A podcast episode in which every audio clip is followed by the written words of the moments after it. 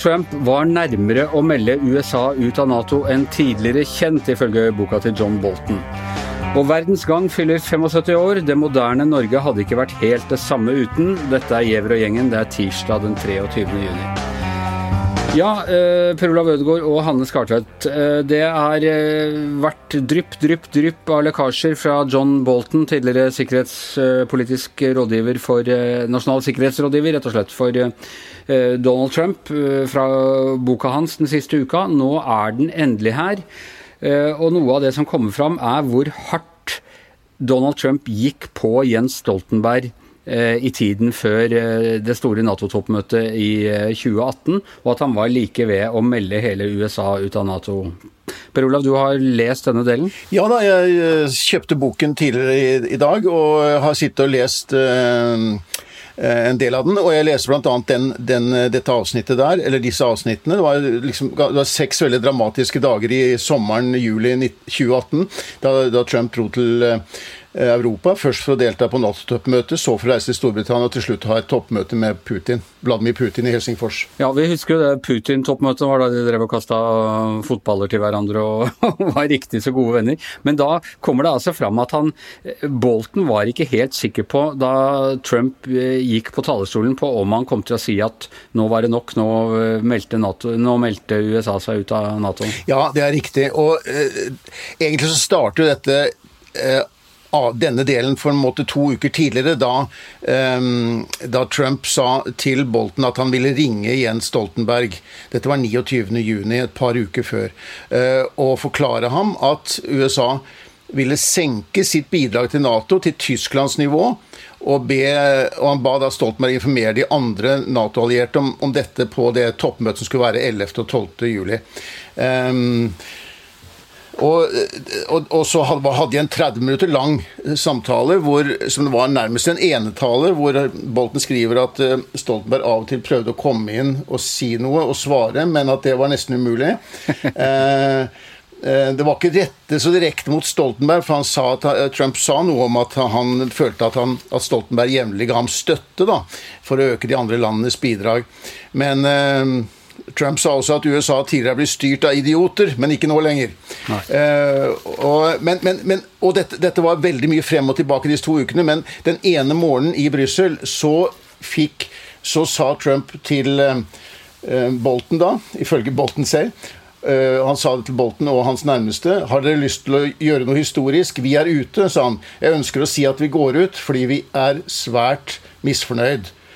Og så holdt de på frem og tilbake helt til han skulle, gå på, eller han skulle holde en talen, eller sitt innlegg på toppmøtet. Og Bolten sa at du kan gå opp til den linjen, men du må ikke krysse den.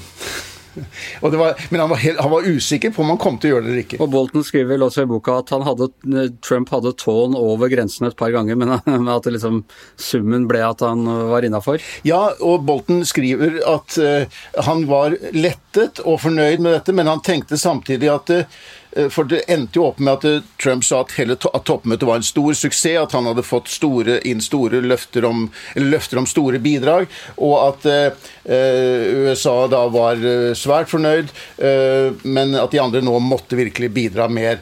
Eh, og Bolten sier at det var egentlig svært lite bemerkelsesverdig, det, det som uh, Trump sa der. Men sa, det var et sånt lite sukk fra hans side hvor store anstrengelser det hadde tatt å få ham til å si noe så banalt. Hanne Skartvedt, som politisk redaktør i Norges kanskje mest Nato-vennlige avis, og som har vært eh, Nato-vennlig helt fra starten, vi skal litt tilbake til det etterpå. Uh, er vi ikke egentlig glad for at eh, Trump uh, tok såpass kraftig i og klarte å skape orden i rekkene og få alle landene til å hoste opp mer? For det, vært, det, er jo ikke rimelig at USA skulle ta så stor del av byrden på noen som helst måte? Svaret på det spørsmålet er ja og nei. Eh, tidligere presidenter har også vært veldig opptatt av at det har vært en skjevdeling på finansieringen. Det er ingen tvil om at USA i alle år har båret den største parten av forsvarsutgiftene. Og de har alle presset på for at de andre skal bruke mer. Men det er klart når han sitter hele alliansen i spill, og faktisk var så nær å bare sånn over bordet kaste USA ut av Nato, så er vi i en sikkerhetspolitisk situasjon som skaper enorm usikkerhet. Eh, både for oss som et lite medlemsland, og for sikkerheten i verden. Ja, men, så det er veldig alvorlig. Han er hyggelige og høflige Obama, han ba jo om det samme, men det skjedde jo absolutt ingenting. Det er jo, det er bare ett språk disse sløve gamle europeerne forstår, og det er maktspråket. Ja, så men Egentlig var det litt bra at eh, Trump holdt på. Nå spør jeg deg tilbake, Anders. Uh, ja, ja, jeg vet ikke. Altså, man kan si, man kan si mye om, om, Trump, men han har på en måte, på godt og vondt, vitalisert ideen om hvorfor vi må ha en forsvarsallianse, og hvor at dette ikke er noe vi kan ta for gitt, og at den gamle verdensorden slik den har vært, den bare eksisterer ikke bare av seg selv, den krever også en både bevisstgjøring og, og vilje til å satse.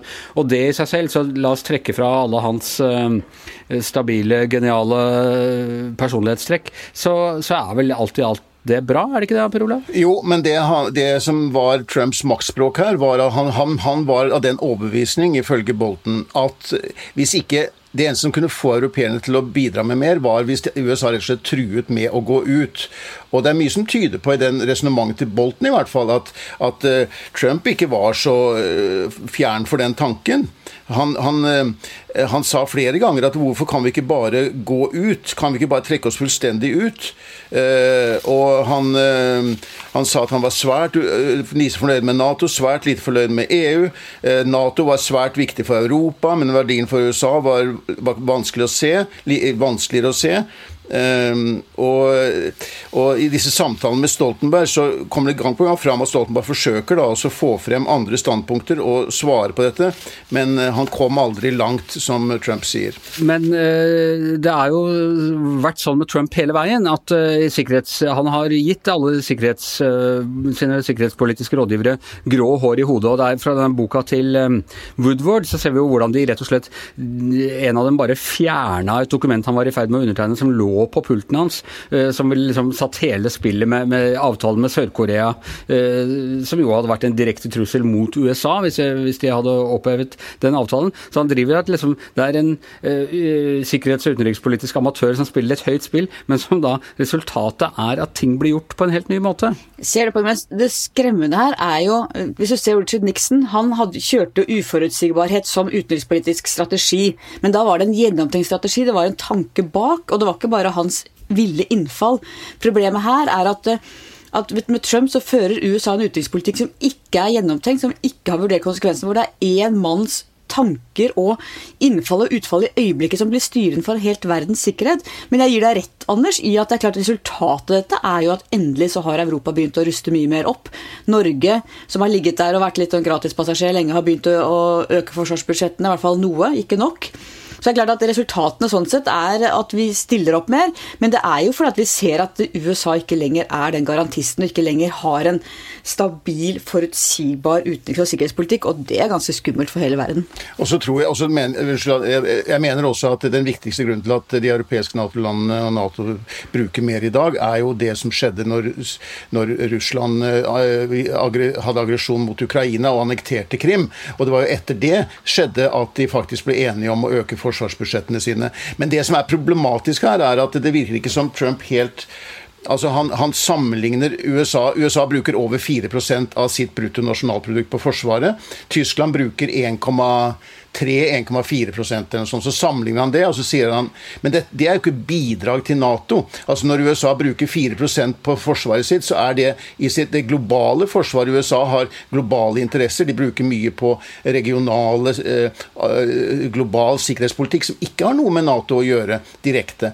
Og, og derfor skal man ikke sam og Når da Trump på et tidspunkt sier at vi skal gå ned på tysk nivå, så har, mener han jo ikke at de skal, at de skal redusere amerikanske eh, forsvarsbudsjett med 70 dette, dette forstår Bolton og forsøker å si til Trump, men det lytter han ikke på. Eh, det er ellers gøy å følge Trump på Twitter nå og kommentere denne boka fortløpende etter hvert som han får den lest opp for seg eller leser den eller hva han gjør. Og stort sett så er det bare løgn og det er fiksjon og sånne ting, men så, kommer han til, så har han kommet til en del hvor eh, Bolton roser ham for det første Nord-Korea-møtet, som han mente var en stor suksess. Og da kjører han stolt det sitatet eh, ut som om det var Da er det ikke fiksjon lenger. Så sånn er det. Det kommer sikkert mer gøy fra denne boka i dagene som kommer. Vi skal tillate å feire oss selv eh, litt grann her. Eh, for i dag er det 75 år siden den aller første utgaven av eh, avisa Verdens Gang kom på gaten. En avis startet av hjemmefronten under eh, fredsvåren 1945. Og Hanne, du har skrevet en, en lang og meget leseverdig artikkel i dag om hvor du egentlig forteller norgeshistorien sett gjennom Verdens Gang fra 1975. Og det, på mange måter så er jo altså, historien om det moderne Norge er litt historien om verdensgang også? Startet som en fattig liten avis drevet av noen idealister, og er blitt en kjemperik, eh, stor uh, oljeinstitusjon. Absolutt, og VG er jo en avis som ble starta for å bygge bro uh, den gangen mellom ideologiske forskjeller, eller mellom forskjeller som ikke var eh, begrunnet i ideologiske motsetninger. Eh, det var et demokratiprosjekt hvor de så altså ut av eh, ruinenes Europa så at nå var det behov for å bygge demokrati for å forsøke å få en god samtale i Norge. Og vi var jo fattige først, og så Det som fascinerer meg alltid, er gjennom 70-tallet, når vi ble veldig veldig store, så var det, var det ikke noen andre aviser som gikk ned. Altså flere nordmenn leste aviser fordi at VG kom på gata. Vi har alltid vært folkelige. Det har vært jeg pleier å si at jeg liksom skal være best på både Syria, borgerkrigen og kjendisskilsmisser. Det skal være tungt og lett. Det skal være en god tabloid miks. Jeg elsker det tabloide. Ja, og av og til må man nok si at vektleggingen er litt i favør av kjendis, uh, kjendisskilsmissene i forhold til Syriakrigen, eller hva? Nei, jeg syns jo ikke alltid det. Vi har jo nå veldig mye Vi har fått mange Scoop-priser, altså priser for gravejournalistikk. Vi har Ja, ja, ja. ja, ja men Hanne, VG, VG eh, grep på 60-tallet den tabloide altså. formelen fra, fra, England og kjører, og vi har fått mye kjeft opp igjennom. Absolutt. Fordi vi liksom kjører ting på, som hovedoppslag når, mens barn dør i tredje, tredje verden. Absolutt. Sånn. Det må vi kunne innrømme at det er noe av motoren. Og når folk sier at ja, dere gjør det bare, har bare de første for å selge, så sier jeg alltid ja, det er klart vi må selge aviser for å kunne finansiere all journalistikk, både den typen og den gode tunge. Per Olav, du er den av øh, oss som har vært her lengst, tror jeg. Du, begynte, du har nesten vært her øh, halve, halve tiden avisa har eksistert. Jeg begynte i 1988. Ja, mm. ja så det er altså ja, 32 år, da. Eh, og jobba stort sett på, på, med utenriksjournalistikk, politisk og sånn også, men, men hvordan har forholdene vært å jobbe i utenriks en avis som ellers er kjent for oppslag som fødte i do, skål? Jeg begynte jo egentlig i VG fordi at jeg visste at muligheten til å kunne reise og til å kunne være der det skjedde, var så uendelig mye større eh, i VG enn der jeg kom ifra. Og egentlig en av de avisene som virkelig har brukt mye penger og ressurser på å dekke verden. Og vi reiste alltid på de store hendelsene. Vi har jo hele tiden hatt korrespondenter ute. Litt varierende hvor mange vi har hatt, men vi har alltid hatt et nærvær ute. Jeg fikk selv eh, lov til å være korrespondent eh, eh, i, i, noen år i USA, i tre år.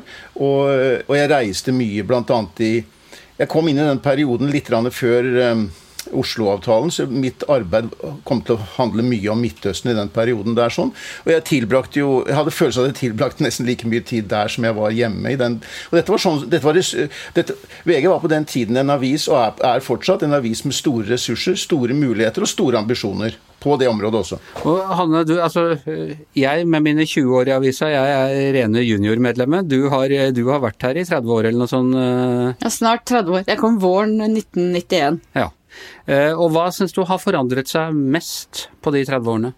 alt, hele medievirkeligheten. Da jeg begynte, så gikk du ut på morgenen på trappa, henta inn avisen, leste den, hørte på Dagsnytt morgensending, kom ned i avisa. Da var det Telex hvor det var en oversikt fra NTB, hva skjer i dag? Vi dro ut, og mantraet var den gangen når folk leser VG, så gjør de det etter å ha sett Dagsrevyen i kveld, etter å ha lest morgenavisene, de tar det etter kaffen dagen etter. Vi måtte alltid være et skritt videre, finne de litt originale vinklingene på en pressekonferanse, f.eks. Vi dekket jo den gangen alle pressekonferanser og sånne ting. Måtte finne det litt sånn artige grepet. Mens gjennom digital transformasjon, nå er jo vi førstevalget for leserne. Nå er vi mer at vi skal rapportere det som skjer akkurat her og nå, så vi har endret oss ganske mye samtidig som vi har Klart, men jeg beholder noe av det tabloide grepet, det å på en måte gå litt videre og finne de litt originale vinklene. Men hele medievirkeligheten, nå er det jo 24-7, det er nyheter hele tiden, du må være oppdatert hele tiden, vi leverer i sekundet.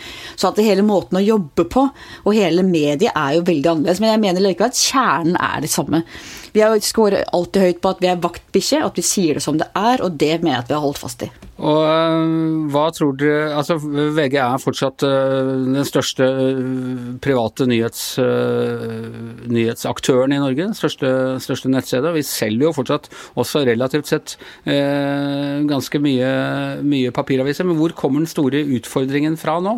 Det er nettopp det å klare over i det digitale. VG er vel et av de få mediehusene i verden, tror jeg, som isolert sett kan stå på egne bein med bare digitale inntekter. Eh, vi har bikka 50% på hva vi tjener digitalt i forhold til papir, men, men, det er klart, den dagen det ikke lenger er papiravis, så vil vi stå overfor helt andre økonomiske utfordringer. Eh, og også det å da nå fram til lesere som kanskje ikke er så godt vant med Sånn som min gamle far, som fortsatt leser papir, og som eh, må finne nye måter å lese på. Og som betaler dyrt for den. Ja, og det tror jeg han gjør med stor glede, faktisk. Jeg tror en del av de gamle trofaste leserne gjør det. Ja, det er bra, men da må vi også gi dem, eh, gi dem noe å, lese på. Hva føler du er den store forskjellen, Per Olav, på dine år i avisa? Nei, bare det at vi sitter her og lager podkast, det syns jeg er en ganske god illustrasjon. Jeg må jo si at den avisen Jeg trodde jeg begynte eller jeg begynte i en papiravis, og sånt trodde jeg vel egentlig at det skulle være i den, eh, i den tiden jeg eh, skulle jobbe her. Eh, og nå driver vi med dette. Vi driver med TV. Vi lager vi lager i vårt tilfelle da kommentarartikler med, uten egentlig deadlines, bare ofte så fort det kan få det ut. Før hadde vi en, papiravis, papiravis, å konsentrere oss om. Den, hadde, den, ble produsert på kvelden og på natten. Nå, er det, nå er det en helt annen virkelighet. Og så vi, må vi alle, både som administrasjon og enkeltpersoner, tilpasse oss den virkeligheten. Og det syns jeg vi det forsøker vi etter beste evne, og det tror jeg vi klarer ganske bra. Men noe som er likt, Anders, det er at jeg må si at jeg syns alltid at det er innmari gøy å jobbe i VG. Jeg tror vi alle er veldig veldig glad i VG, i dette mediehuset som vi alle tre har vært i mange mange år. Det er et fantastisk, en fantastisk arbeidsplass og en avis som jeg bare syns er veldig kul. Du får ingen protest på meg fra det. Eh, det er en veldig god arbeidsplass, det er det ikke, ikke noe tvil om. Og det er et sted hvor folk trives godt med å jobbe. Og som vår eh, redaktør gjennom veldig mange år, Bernt Olufsen, pleide å si, forandring er verdens gang. Så eh, det er man nødt til hvis man skal henge med. Vi tar 75 år til i VG. Hanne Skartvedt, Per Olav Ødegaard og Anne Skjever, og vår podkastprodusent Magne Antonsen. Takk for nå.